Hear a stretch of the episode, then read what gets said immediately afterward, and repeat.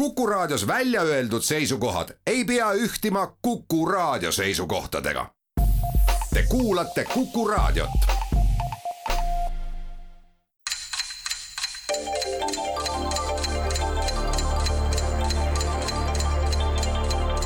tarkade klubi targemaid küsijaid toetab lisateadmistega Postimehe raamatukirjastus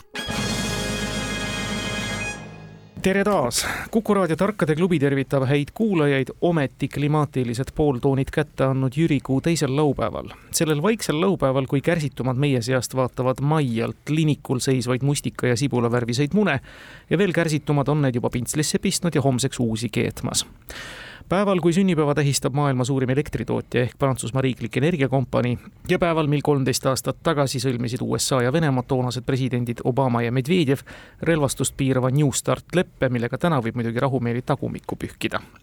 ilm küll selleks tegevuseks värskes õhus soodus ei ole, kuid tsiteerida kolhoosi esimeest Harald Tuvikest Tõnu Karu kehastatuna vastamas kevadkülvi volinik Mait Kukemerele Arvo Kukumäe mälestusväärses esitluses. Küll aga on aeg kergemateks kevadkingadeks, heledamat tooni, aga siiski kraega mantliteks, õnnesoovideks peagi tööd alustavale Riigikogu koosseisule ja tähelepanuks oma noortele istikutele, mis neil päevil idulehtede vahel juba päris lehti peaksid kasvatama esimestele saabunud toonekurgedele tasub ka lehvitada. tervitada tasub aga tänases Kuku raadio Tarkade klubi uue tulemise neljasaja üheksakümne üheksandas saates häid ja siin alati armastatud külalisi, kes ka alati on valmis tulema hea meelega, kõike eelnimetatud enam-vähem ka kaasa tegema ja loomulikult kuulajate rõõmuks küsimuste üle arutlema.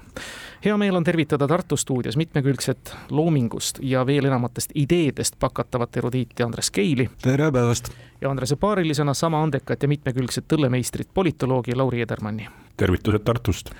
Tallinna stuudios on neile vastu astumas auhinnatud ulmekirjanik, Vikipeedia administraator ja meistrikandidaat Kabes Taivo Rist. tere! ja ehitus- ja kunstimeister avangardi piire nihutavast rühmitusest Vedelik, Martti Suurorg. tervist! suur rõõm, et olete meiega. tänase saate kümme küsimust on nii ajalike kui ajatutena jaotunud järgmiste teemade alla. loodus, Slava Ukraini, kultuur ajalugu ja Vaaria. küsijate ring on kevadiselt värviline, Kivimäe kooli ajaloo ja ühiskonnaõpetuse õpetaja Margus Pillau, raadiokuulaja Tanel Mehine ja innukas kaasakuulaja ja kirjasaatja Valeri Küpsis. alustame ja anname avaliku õiguse headele tartlastele, Tartu karismaatiline kilvarite paar, Andres ja Lauri, palun. no mis teeme, paneme kultuuriga minema kohe või? mõtet vale starti ei tee, aga alustame alustame, jah ja tulebki kohe kuulaja Tanel Mehine, ka Tartust muide, meile saatnud küsimuse. see kaheksakümne kaheksandal aastal valminud ja meil hästi tuntud ekraaniteos eksporditi vaataja menu lootuses ka Ameerika Ühendriikidesse. seal paraku loodetud menu ei tulnud ja seda ilmselt oluliste kärbete tõttu. muuhulgas kärbiti teosest stseenid linnupesa rüüstamine, isa lööb last, lapsed lähevad üksi ujuma, vangistatud kaaslastega dialoog võitlus tulirelva pärast ja pereisa hukkumine. milline ekraaniteos, küsime teie käest. me kõik ilmselt siin stuudiotes oleme seda näinud kärpimata kujul ehk siis koos eelnimetatud stseenidega ole hea, ütle korra veel, linnupesu rüüstamine, isa lööb last. lapsed lähevad üksi ujuma, vangistatud kaaslastega dialoog, võitlus tulirelva pärast ja pereisa hukkumine. jubedalt meenutab ühte, ühte animafilmi, mille autorid olid Aasia poolt, kus tegelasteks olid pingviinid, kas sulle ei, ei, ei tule need asjad? ei tule, kuidas see oli, et siingi hästi tuntud, jah? ja meil hästi tuntud ekraaniteos. kaheksakümmend kaheksa ei olnud see Lola ja Pepe, vaata kui nagu panna nüüd see kõik natukene teistsugusesse kastmesse, siis lapsed lähevad ujuma, tulirelv oli ja lõpuks. no ma olin kaheksakümmend kaheksa, ma olin neliteist ehk siis, et selles mõttes, et minu jaoks on see võib-olla natukene hilja, et ma sellest Loolast ja Pepest ei tea väga midagi. aga mõtleme korra võitlus tulirelva vangistatud dialoog, aga kas see Arabella ei või olla või? linnupesa rüüstamine. no vot, eks ole mm. -hmm. linnupesa. kolmanda planeedi saladus. varasem, varasem. okei okay kaheksakümmend on see. isa lööb last, annab Daniel Dino Arabellale vastu kõrvu lapsed üksi ujuma, vangistatud dialoog selle pagana kibuspuuga oli, mingi võitlus tulirelva pärast ka kindlasti oli, pereisa hukkumine, Daniel Tino läks põhja, tapmine e, e, vajuv vesi oli see Läks ma ei mäletagi või Ei, laev aa jaa, jaa, laev läks, laev läks põhja, jah. aga kas see sai olla kaheksakümmend kaheksa, ma kardan, et see oli kaheksakümmend seitse, ma arvan, võis olla ka kaheksakümmend kaheksa. ei, ta oli ikka varasem, ta oli mingi kaheksakümmend neli, viis, Inga Kai Puskar. Puskar, jaa, ei, see on varasem, see ei saa olla. ja meilgi hästi tuntud no just, kuidas see sõnastas linateos, eks, et, et ta ei Ekraaniteos. ütle film, ekraaniteos, vot, vot ekraaniteos, jah. see võib olla ka telefilm siis või, või või pigem midagi prooviti eksportida USA-sse, jah, mm. -hmm. Ja menu ei saavutanud. ma ei tea, väikese, väike Veera oli ka kaheksakümmend seitse minu arust ja sellest ma küll ei mäleta rohkem mitte midagi, kui me kõik mäletame väikesest Veerast, eks. sokke, riibulised sokid, neid ei olnud mainitud. oot-oot-oot-oot-oot-oot. ja Arabella pidi olema varasem, selle Olo ja Pepe kohta ma ei oska absoluutselt kaasa rääkida. aga ekraaniteos, noh, mis see saab olla, see saab olla telemängufilm, multifilm, telemultifilm, eks ole, mm -hmm. selle lavastus, vaevalt, keeruline keeruline jah. ta ikka peab olema nagu, nagu film. ja tuntud joonisfilm. ja kuidas sa ütlesid, et me kõik oleme näinud seda, jah? jah, või kuidas see sul oli? suure tõenäosusega oleme kõik näinud. mm. -hmm. võitlus tulirelva pärast, linnupesa rüüstamine. Nad on üks krüptilised No on krüptilised, jah. tüüpiliselt, et linnupesa rüüstamine võib olla ka see, et keegi võtab pesast muna lihtsalt mm, -hmm. kana, kanapesast muna äravõtmine.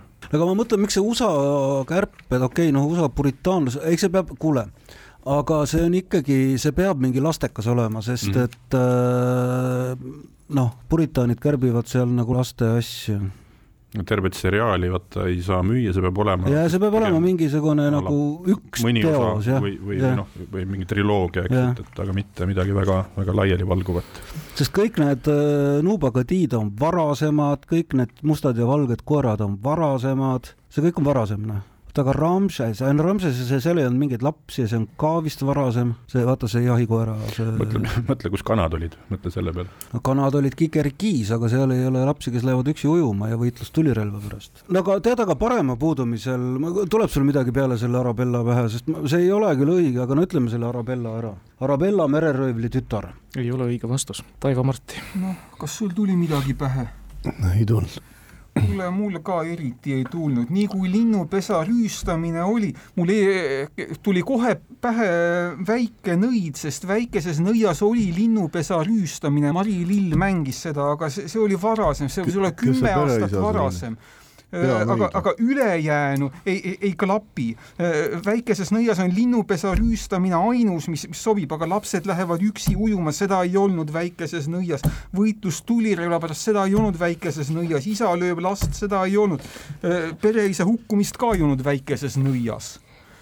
no see pole üldse filmgi, telelavastus. telelavastus, seda oli kõlbaks ka. USA-sse müüa, kui ainult ostetaks. aga kaheksakümmend kaheksa. kaheksakümmend kaheksa. mis siis veel räägiti?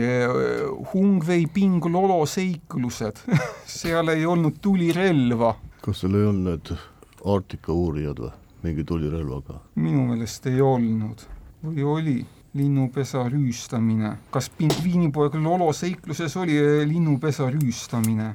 No pingviinidel on ka ilmselt pesa. no on, isa lööb last, kas oli niisugune asi? pereisa No. hukkumine, lapsed lähevad üksi ujuma, no pingviinipojad võisid küll üksi ujuma minna. seal vist oligi mingi meri, merelõvi, merilõvi või kes seal neid hakkas ohustama. hea küll, ja, ja siis võitlus tulirelva pärast oli seal mingi niisugune asi. minu arust oli mingi see ekspeditsioonimees seal tigeda näoga oli, habemega. Oh jah, kas see aasta kaheksakümmend kaheksa sobib pingviinipoeg Lolole? aasta kohta ma ei oska küll midagi ütelda, kuule, ta midagi niisugust vist oli, ega ta hiljem küll ei olnud. aga Eesti omadest ei tule nagu midagi. kaheksakümmend kaheksa, nukitsamees oli ju varasem. kõik as- asjad olid ära tehtud ju, Naerata ometi ja mis seal kõik olid, need olid kõik varem. kuule, Naerata ometi umbes sel ajal tuli, umbes kaheksakümmend kaheksa ta, ta tuli, aga seal ei Ei, olnud mingit linnupesa rüüstamist ega lapsed lähevad üksi ujuma. ei, need kõik olid varem ikka. kevad südames. Ei mingit sihukest. no ilmselt siis, äh, ma ei tea, see pingviini värk. paneme siis selle pingviinipoeg Lolo seiklused. oi kui raskelt tuleb, see on õige vastus. Lauri Eidermann on tegelikult suurepärases vormis, andis kohe esimesena tooni ette juba kümnendal sekundil vastusega, nii et sujuvat koostööd, armsad tartlased. Tallinn noppis selle punkti teie laualt ära praegu, aga ega midagi, Mart ja Taivo, teie valik. no võtame siis mingi looduse. loodusküsimus. seeni on laias maailmas väga erinevaid. Saccharomyces cerevisiae ei ole nende hulgas selline, mida metsast puraviku ja pilviku kõrvalt korvi pista saaks, aga ometi teatud kombel meist kõikide või väga paljude eluvaated igapäevaseks saatjaks on. paljuneb antud seen pungumise teel. kuidas me kõnealust seent lihtsamal kujul kutsume või millisel viisil tunneme? mis see ladinakeelne nimi oli? Saccharomyces cerevisiae mis asi on pärmiseen, sobib või? pärm on igatahes seen ja ta pungub, seda ma tean. tainas. mis tainas? no taina sisse pannakse. ja ma tean, kuhu, kuhu, kuhu pärmi, pärmi pannakse või siis õl-, õlle sisse. jaa. oota, kas me näeme teda iga päev? ei näe, aga see oleneb inimesest. paljude igapäevane saatja. paljude igapäevane saatja, see on hoopis iseasi kuule, ega see siin nüüd midagi muud vist ei tule, paneme selle pärmi ära. õige, pagaripärm ehk leivapärm, kottseen kasutatakse põhiliselt niisiis kääritamisel, küpsetamisel ja veinitööstuses. mainitud ladina taksonoomilise nimetuse tõlge olgu ka öeldud, õlle sidekriips suhkruseen Tallinn teine punkt loodusega ja palun, Lauri, Andres. Lauri, palun. teeme loodust veel suurepärane. eelmine oli, oli koheselt lauas kirjas. no kelle käest me küsime, eks ole õllemeistrilt. aga palun, teine küsimus taas kuulaja Tanel Mehine. Eesti imetajate süstemaatiline nimestik ütleb, et Eestis on kakskümmend sugukonda imetajaid kokku kuuekümne viie liigiga. sealhulgas ka harva esinevad ahm ja pringel. Milline on aga liigirikkaim imetajatest sugukond Eestis? seal on teiste seas ka Nattereri ja Branti nime kandvad liigid. klassikaline loodusküsimus. ja ei ole teadmata loodusest midagi, esimene seos on hiired. närilised jah. närilised jah. närilisi on meil päris palju, et, et meil on kobras näiteks on näriline, eks mm. -hmm. Ondatra, rändrott, kodurott, erinevad, erinevad hiireliigid. põldhiir, mingi liivahiir. jah, kari, kari, kari, karihiir vist ei ole päris hiir tegelikult, on natukene erineb. no mis meil on, kärplased ei ole. seal on kolm. jah, karulased ei ole. seal on üks äh,, kaks. koerlased, kasslased ei ole mm. -hmm. ahm on koerlane või, vist on jah? ta on kärplane, ma arvan, jah. hülg, hülged ei saa, veeimetajad ei saa olla. nii, mis meil alles jääb äh,? Sõralised? vähem. vähe, vii-, mingi viis tuleb, eks või, no mis meil on, põder, kolm hirve, kits mm, -hmm. põhimõtteliselt kõik. kellega see metssiga meil paadis on? siga on siga äh,, täpselt üks tükk mm. -hmm. ma arvan, et need on närilised. Need vist ei saa olla muud, jah? närilised ütlete? jah ja.. ei ole kahjuks õige vastus, ehkki jällegi teie imetajate alased teadmised on hämmastavad. Ja palun, vaatame, kas me saame õige vastuse Tallinnast, Marti, Taivo. No see Branta. noh, kiired on. õige, käsitiivalised, need on no, Eesti liigi kohe... rikkaim ja need jäid vist ainsana teil Tartus nimetamata kõigist loetletud muide, kui äh, Tartu ütles kärplased, siis äh, tuli kommentaar, et neid on kolm, ei ole, kärplasi on kümme. kunagi ma tegin mälumängu, kus oli viigilahutusküsimus, et lugege neid kärplasi üle nii palju, kui, kui saate nii et teadmised. ma arvan, et neid on rohkem jah, sul on juba need äh, nirgid, nugised. oh jah Ameerika naarits, Euroopa naarits, kivinugis, mets, nugis, äh, ahm on muidugi äh, saarmas, äh, kobras, ei. kobras on näriline. kobras ei ole, kobras ei ole ma arvan, et okay. Tiit Maran, vastne Riigikogu liige, on teie üle väga õnnelik ja rahul, kui ta seda saadet kuulab.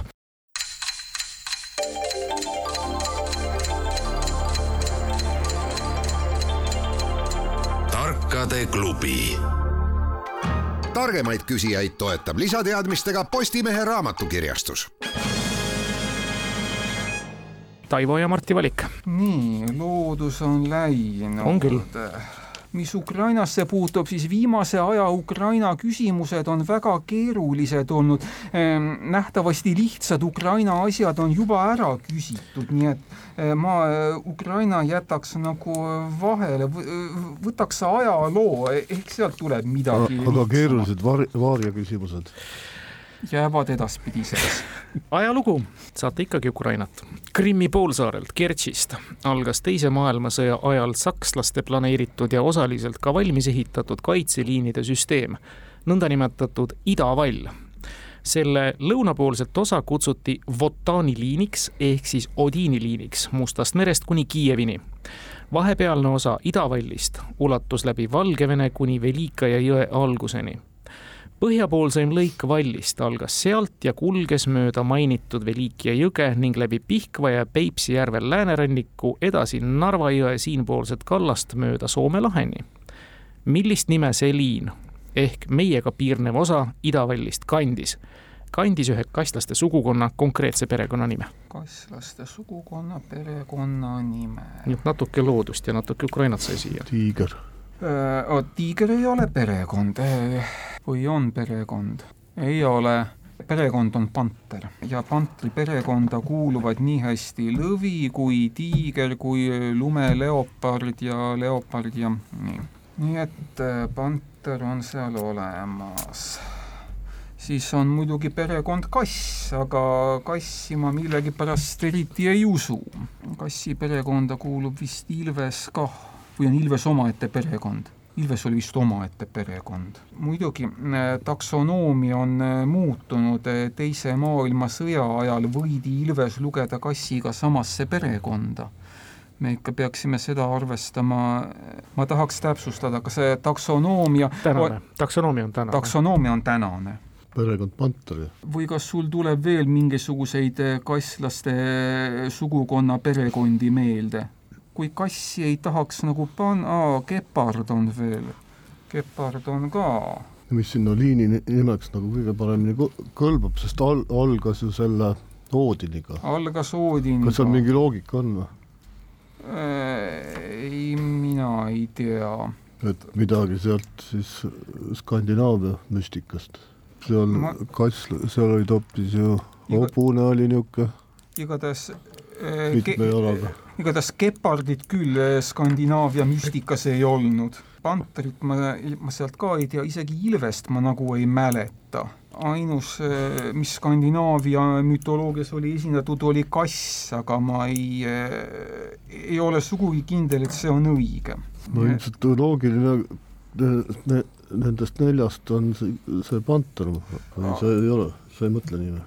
Ma mõtlen küll, paneme selle pantri siis ära Te mängite täiseduga praegu, neljas punkt, see on tõepoolest panter, panterliin. pantri perekonda kuuluvad lõvi, tiiger, leopard, jaaguar ja lumeleopard. kõik õige, need said ka ja. nimetatud siin.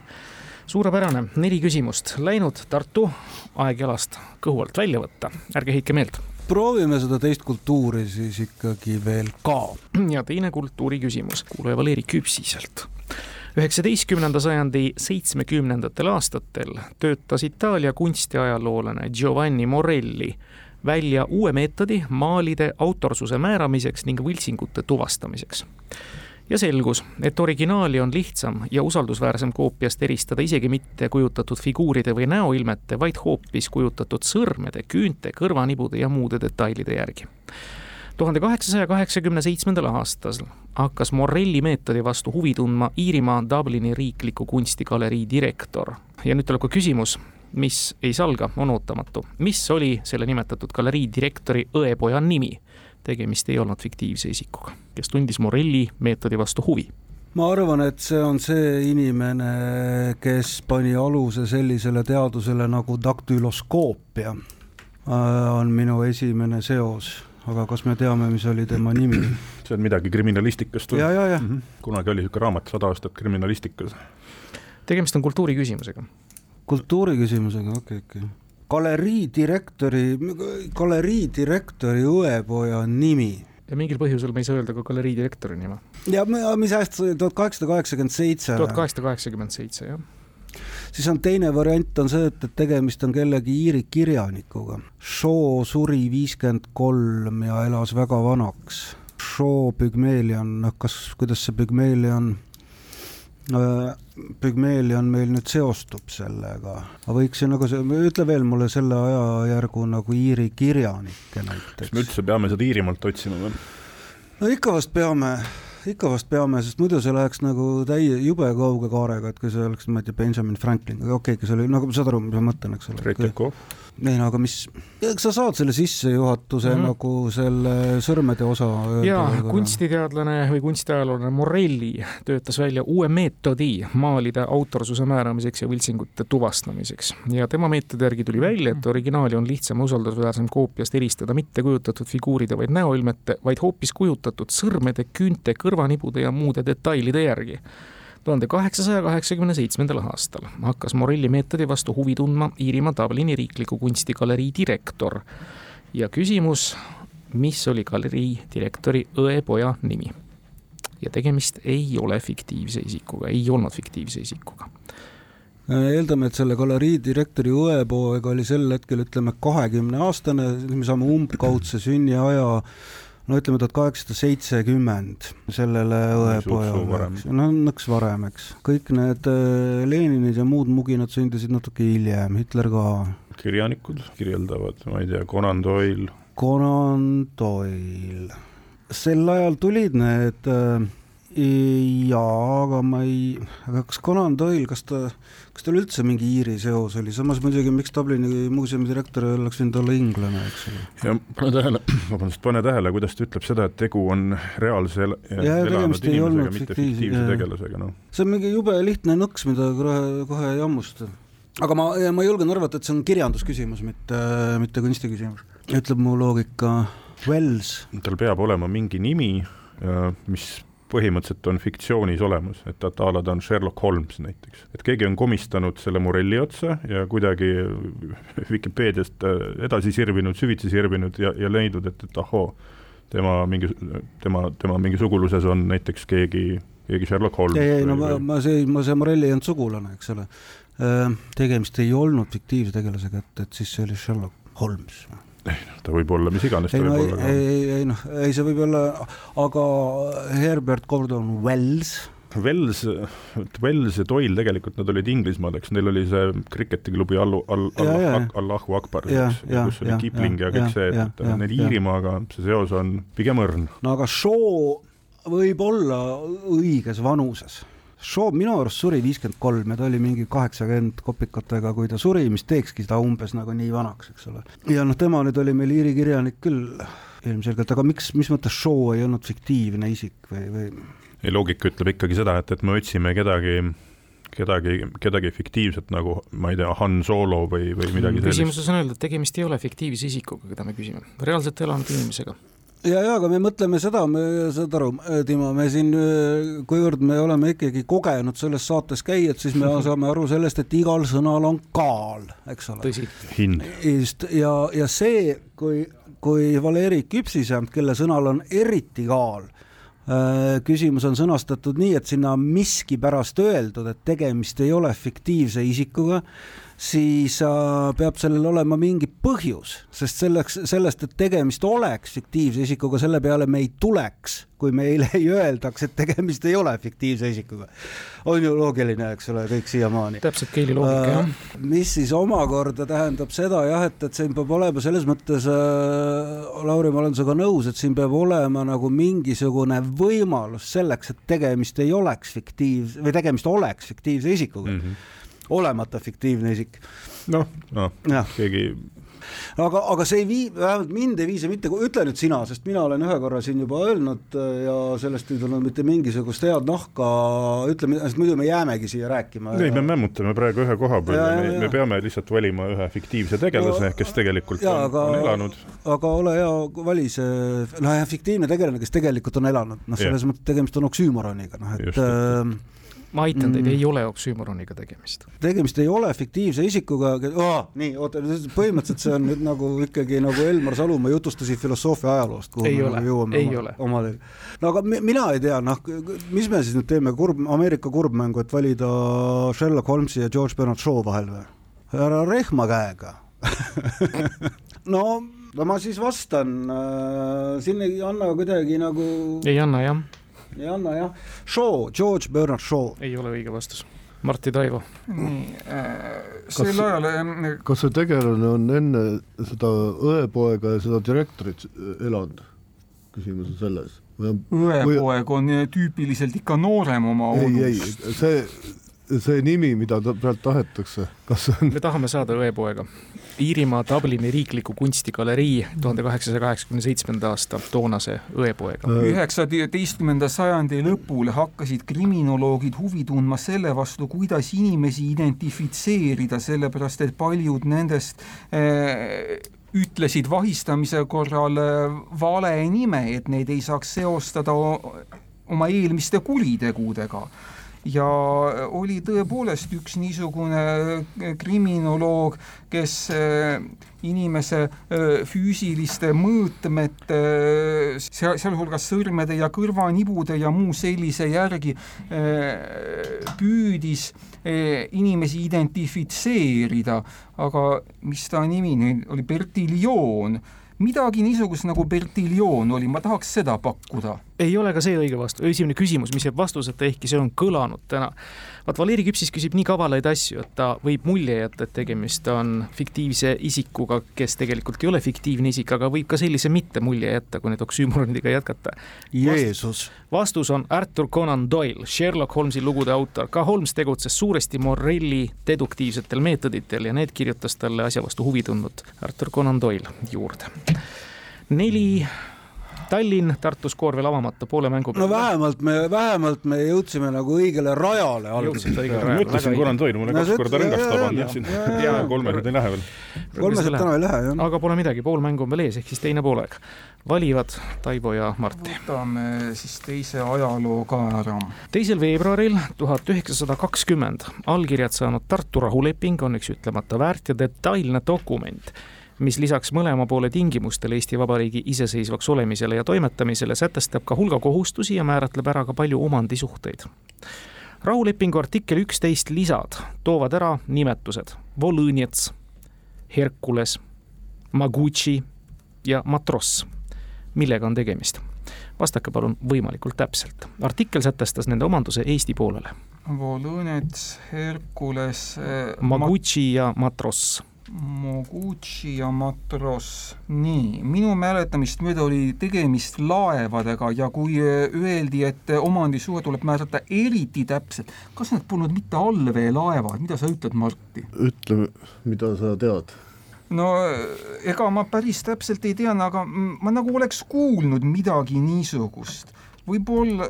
laeva nimi Matross. muidugi, Matross on suurepärane laeva nimi, ma ütlen Äh, siin ei tahetud ju isegi Tartus seda Madruse tänavatki nüüd laeva nimeks. no äh, inimesed on äh, lollid, ma ütlen äh,. Madrus on ka, on ka tänavale väga väärikas nimi. mis sa siis kuulnud oled, ütle siis ära. ma tahaks pakkuda allveelaevad. kuulame tartlasi ka. laevad, rongid, lennukid mm., kahurid.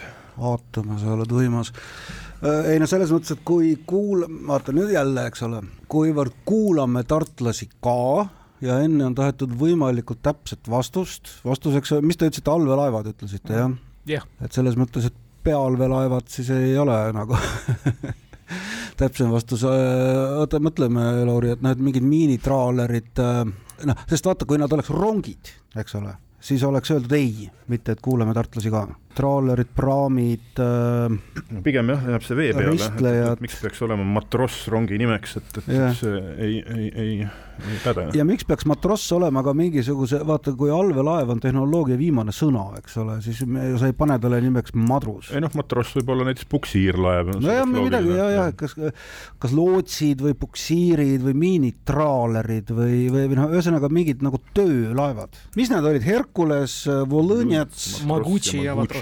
Aga siin on muidugi nii Hercules, Volõnes kui Maguchi, need on jälle nagu võimsad nagu nimed, eks ole, ja Matross, aga samas, samas jälle, eks ole, revolutsiooniline madrus on ju ka ikkagi Nõukogude Venemaal midagi väga võimsat. jäälõhkujad. Maguchi, Hercules, Volõnets, Matross, aga vastame nii. täisvastus, tubli tuli ära, skoori avasite, ma mõtlesin, et Volõnets annab otsa kätte, see on ju suur tõll hilisem mm. -hmm. Need on jäälõhkujad, täpsemalt siis sätestab artikkel Eesti okupeerimise silmapilguks Saksamaa poolt Eesti sadamatesse ja vetesse jäänud kroonulaevad millest nimetatud olid siis jäälõhkujad Volõnetsist sai hiljem meie lipu all sõitev suur tõll Herkules ristiti ümber tasujaks. Magutšist sai Kungla ja matrossi saatuse kohta ei saanudki kusagilt teada, mis temast sai. ja neid laevu, mis Eestile jäi, oli veel hulgim, oli puksiire, oli transportlaev ja vahilaev Vladimir, millest muide sai hiljem Jüri Vilms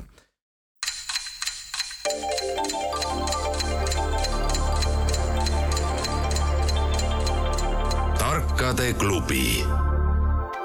targemaid küsijaid toetab lisateadmistega Postimehe raamatukirjastus Tartu avab skoori ja hakkab juba jõudsalt lähemale sõudma Tallinnale, aga ütlemata hea, produktiivne arutelurohke mäng on jätkumas. head tartlased, meil on võtta Vaariat või Ukrainat. sukeldume Vaaria sukeldume Vaaria varasalvedesse just. üle-eelmisel sajandil elanud ja toimetanud Gregor Mendel oli Tšehhi munk ja teadlane, keda on kutsutud ka geneetikaisaks kuid mikroorganismid polnud ainsad Mendelile huvipakkuvad teaduse subjektid teda ja tema tähelepanekuid jagus matemaatikasse, mesindusse, astronoomiasse, paljudesse teadussfääridesse. kui Mendeli surma järel avati tema isikut ja töid tutvustav näitus, olid seal eksponeeritud nii tema isiklik mikroskoop, millega ta organisme uuris, ka tema teleskoop, millega ta taevakehi vaatles ja veel üks optiline seadeldis, mille abil Mendel töötas ja ilma milleta poleks ta suure tõenäosusega oma avastusteni jõudnud. milline seadeldis? optiline seadeldis mm. -hmm okei okay,, kõige paremini me teame ikkagi teda ja tema äädikakärbseid, eks ole. Hernet. Hernet kõigepealt ja äädikakärbsed ei olnud tema, Morgan oli vist see, no ühesõnaga vahet ei ole, noh, Mendel oli see, kes äädik, herneid tõstis just kollased rohelised, nii. Mesi... no mikroskoop, teleskoop, mis meile vahepeale jääb? no stetoskoop ei ole optiline seade. nii, meil jäävad prillid mm, -hmm. luup, suurendusklaas meil aga oota, kas see astronoomia, eks ole, mis sa ütlesid, selle astronoomia, mesindus ja veel sada teadust, eks ole mm? -hmm, matemaatika ja kõik. aga see, mis iganes selle asja nimi on, vaata, millega äh, navigeeritakse, hoitakse, päiksenurka mõõdetakse. see on sekstant. sekstant, aga, aga see ei ole optiline väga, eks ole. jah, ta on mehaaniline mm. -hmm. no optiline eeldab seda, et, et meil on, meil on valgusega tegemist, mis eeldab, mis võib eeldada, et, et meil on äh, läätsed, aga näiteks ka fotoaparaat on optiline seade. panid sa tähele, oli seal aastatestki juttu? Äh, peale surma ta elas üle-eelmisel sajandil, esimesed fotod tuhat kaheksasada no daguerreotüübid jah, kuskil tuhat kaheksasada ja, ja no ütleme enam-vähem viiskümmend jah optiline seadeldis, mille abil Mendel töötas ja ilma milleta poleks ta suure tõenäosusega oma avastusteni jõudnud. aga siin ei ole öeldud, milliste avastusteni, eks ole? no pigem ikka hernet, me teame teda hernestest. ohohoo, talv on mind sõbrakest kurnanud ära oota, aga mõtleme korra. kasvuhoone ei ole meil ju optiline seade. kasvuhoone meil ei ole optiline seade, ilma milleta ta ei, noh, oota, kas nagu varjuteater või, või noh, saad aru, et äh, aga äkki ta oli nagu pime nagu mutt ja pidi kogu aeg prille kandma, prillid on ju optiline seadeldis. ta ei ole seadeldis. No.. prillid ei ole seadeldis, seadeldis tähendab seda, et, et sul võiks olla ikkagi mingid nagu liikuvad osad või, või nagu mitu läätse, eks aitab, ma nüüd tulen vastu, ma väga harva seda teen, sest et Lauri Eidermann muidu saab jälle võtta rõngaviske, need on prillid, optiline seadeldis, nõnda on prillide kohta öeldud. Gregor Mender oli väga lühinägelik, ilma prillideta ta üldse elada ei saanud. nii, päästsin punkti, edasi enam nii ei tee. väga, ahah, jah Tartu kaks, Tallinn neli. me jätkame kolm küsimust lõpuni minna. Taivo Marti, Vaariat või Ukrainat? teise Vaaria. Korea on poolsaar ja sellel paiknev kahe riigi vahel jagunev piirkond Ida-Aasias. Kreeka keelest tulnud nimetus Korea tähistab aga tantstõbe. rheumaatilist Koread kui antud haiguse vormi kutsutakse aga ka ühe pühaku nimeliseks tõveks, tantsijate patroonist pühamehe järgi millise pühaku järgi siis? kahes nii Euroopa Liitu kui NATO-sse kuuluva slaavi riigi linnas, nendest üks on ka pealinn, paiknevad küsitavale pühendatud ainsad katedraalid maailmas, kuid tavalisi kirikuid leidub enamgi. selle pühaku järgi sai eesnime ka üks kuulus taanlane ah,. see on siis äh, Bering, Beringi järgi. Viitus Bering kuule aga mis kuidas see patroon on? äh,, mingisugune püha viitus või, või midagi niisugust, kas üks neist pole mitte Praha nendest kahest pealinnast? õllega on ka midagi segamist või tegemist selle viitusel? seda ma ei aa, juuakse õlut ja siis hakatakse tantsima. no siis ilmselt see, siis ongi see Pe- Beringi järgi. aa, paneme selle Beringi ära. viitus, püha viitus on õige, katedraalid asuvad Prahas ja Rijekas Horvaatias. taanlase vihje käis siis tõepoolest Venemaa teenistusse läinud meresõitja maataevaste ja viitus Beringi kohta. Tallinnas on üks sellenimeline toitlustusasutus ehk siis õllekoda, see on Telliskivi loomelinnaku läheduses. suurepärases vormis olete mõlemad pooled. õigeid vastuseid kostub, teinekord ei vormista neid ära, aga neid siiski kostub. Tallinn vormistab ka neid ära, viies punkt, Martti Taivo. me jääme mängu ikkagi Ukrainaga lõpetama ja siis saate ennast nüüd lõpus kas kiruda või kiita, et jätsite selle lõppu. tartlastele esimene küsimus. milline tuntud objekt asub aadressil Leningradska tänav nelikümmend üks, Hurfuzi alev, Krimm? Ukraina keeles tähistab küsitavat vanaslaavi keelest pärit mõistet tabir, mida traditsiooniliselt enamasti mustlastega seostatud on. aga me küsime tuntud objekti nimetatud aadressil. kuidas see vanaslaavi keeles oli? vanaslaavi keelest pärit mõistet tabir, Tabir. mida traditsiooniliselt enamasti mustlastega seostatud on. nii, mis asula nimi oli? Hurfuzi alev Krimmis. mul esimesena lõi pähe, mis mul Krimmist on, see mis pääsukese pesase loss näiteks mere ääres, üks väga ikooniline Krimmi maamärk selline või, või noh, objekt. ma ei oska sinuga selle koha peal kaasa rääkida, kas äh, nojah, mingit, ei nojah, ei mingit Putini residentsi seal ei ole, eks. Nad on nagu teisel pool. aga ei, Dabir, tabir ja mustlastega seotud. seostatud no.. seostatud jah. tuntud objekt Krimmis, mingis alevis ma ei tea, ütle sina, mul ausalt öelda täiesti nagu, no, no mis see saab olla, noh, mingi loss, aga miks peaks lossi küsima? objekt, noh, me ei saa eeldada, et, et tegu on mingi ei no, ei no tehasega. kui tal on aadress, noh et, et Mhm. siis äh, kas meil tehastega on Krimmis? ei, seal vist ei ole mingit nagu väga hirmsat tööstust äh,. veinitööstus no veinitööstus on nojah, aga aga noh, mingit rasketööstust seal ei ole, selleks on nagu teised regioonid Ukrainas, aga no mis see Krimm on, ta on ikkagi noh, nagu noh, noh terve see poolsaare suvitusala ka ei ole, aga kas mingit tuumajaama ei ole seal? aga kus Artek oli, see oli ka Krimmis või ei olnud? pioneerilaager Artek. võis olla Krimmi, aga äkki on Artek, äkki on Artek jah, olgu, olgu nii. tublid, see on Artek ja ometigi kõik hästi. Eidermanni mõte tuli, Keil kinnitas täpselt nii nagu peab. Arteki lastelaager, omaaegne eliitpioneerilaager Tabir ehk Tabor tähistab siis laagrit ehk siis antud kontekstis rändrahvaste ajutist peatuspaika, kui oli viide siin mustlastele. Slava Ukraini jääb tänast mängu lõpetama ja Martti ja Taivo saavad kuulda teist küsimust see Ukrainas sündinud kunstnik oli üks paljudest üheksateistkümnenda sajandi kunstnikest, kes käis inspiratsiooni ammutamas Itaalias ning seal ka üsna palju maalis. üks tema seal maalitud teos, tuhande kaheksasaja neljakümne esimesel aastal valminud Kaos, kunstnikule üsna tüüpilise süžeega muide, pälvis koheselt tähelepanu ja looja kogus tuntust paavst Gregorius kuueteistkümnes omandas selle maali ning autastustas noort kunstnikku Vatikani kuldse medaliga sellest kuulda saanud torkas satiirik Nikolai Gogol kaasmaalasele. veab sul Vanja. Läksid siit Neeva kallastelt Vatikani ja korraldasid seal kohe kaose. Kes oli see Peterburis õppinud kunstnik, kelle isikumuuseum tänini Ukraina territooriumil tegutseb?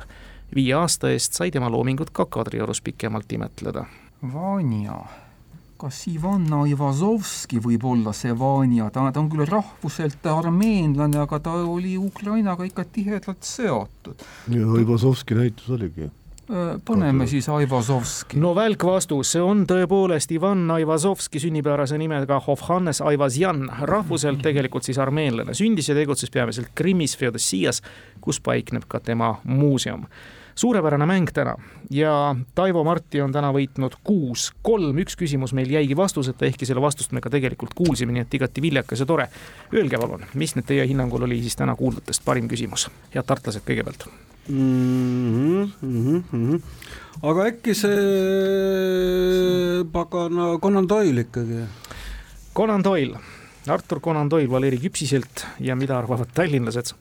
Mis sa ütled? ma arvan ka, et mis see sa arvad? oh, no las ta olla siis. las ta olla siis see konand hoid. selge pilt. aga mul on üks asi veel, kui ma töötasin tehnilise tõlkekeskuses, seal tehti mulle kohe alguses selge, et sõnas, selgeks, et sõna seadeldis on väga paha sõna ja seda ei tohi mitte kunagi kasutada, tuleb öelda seade ja mitte seadeldis. See käis siis prillide kohta, see märge. võtame teadmiseks, aitäh teile, Taivo Marti siin Tallinnas, ilusat lihavõtete aja jätku, suur tänu, Lauri ja Andres Tartusse, teile samuti ilusat lihavõtete aja jätku ja taas kuulmiseni. hoolega hoitud auhinnad toob kohale Smartpost Itella. lõpetame saate nagu ikka kuulajamänguga eelmisel laupäeval lõpetas saate küsimus, kus sissejuhatus kõlas järgmiselt mitmed teadlased ja neurokirurgid on välja toonud, et kui inimesele siirdatakse käed, on selgeks märgiks sellest, et organism ka uued käed omaks võtab, just see tegevus. milline tegevus, küsisime teie käest. samast tegevusest on loobunud väga paljud pärast seda, kui on lugenud eeposest noorem Eda Naglfari kohta. Niisiis, millise tegevuse kohta me küsisime? õige vastus on küünte närimine mida neuroloogid loevad märgiks, et tõepoolest on organism siirdatud käed omaks võtnud. viidatud noorema Eda Naglfar oli siis teispoolsuses surnute küüntest tehtud laev või paat. kõigi õigesti vastanute vahel naeratas loosiõnn kuulaja Urmo Muugile. palju õnne, teiega võtame ühendust.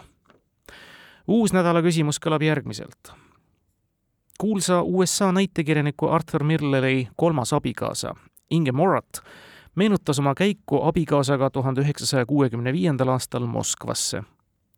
muuhulgas jutustas ta, et erinevatel kohtumistel ja külaskäikudel kirjaniku sõprade juurde kuulati ohtralt ja valjuhäälselt juurde Beethoveni muusikat.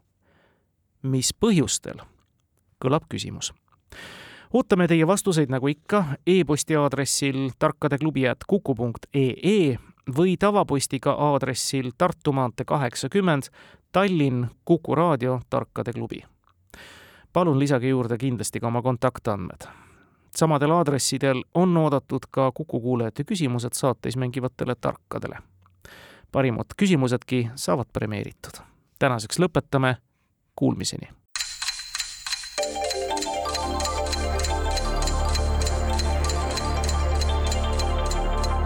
tarkade klubi. targemaid küsijaid toetab lisateadmistega Postimehe raamatukirjastus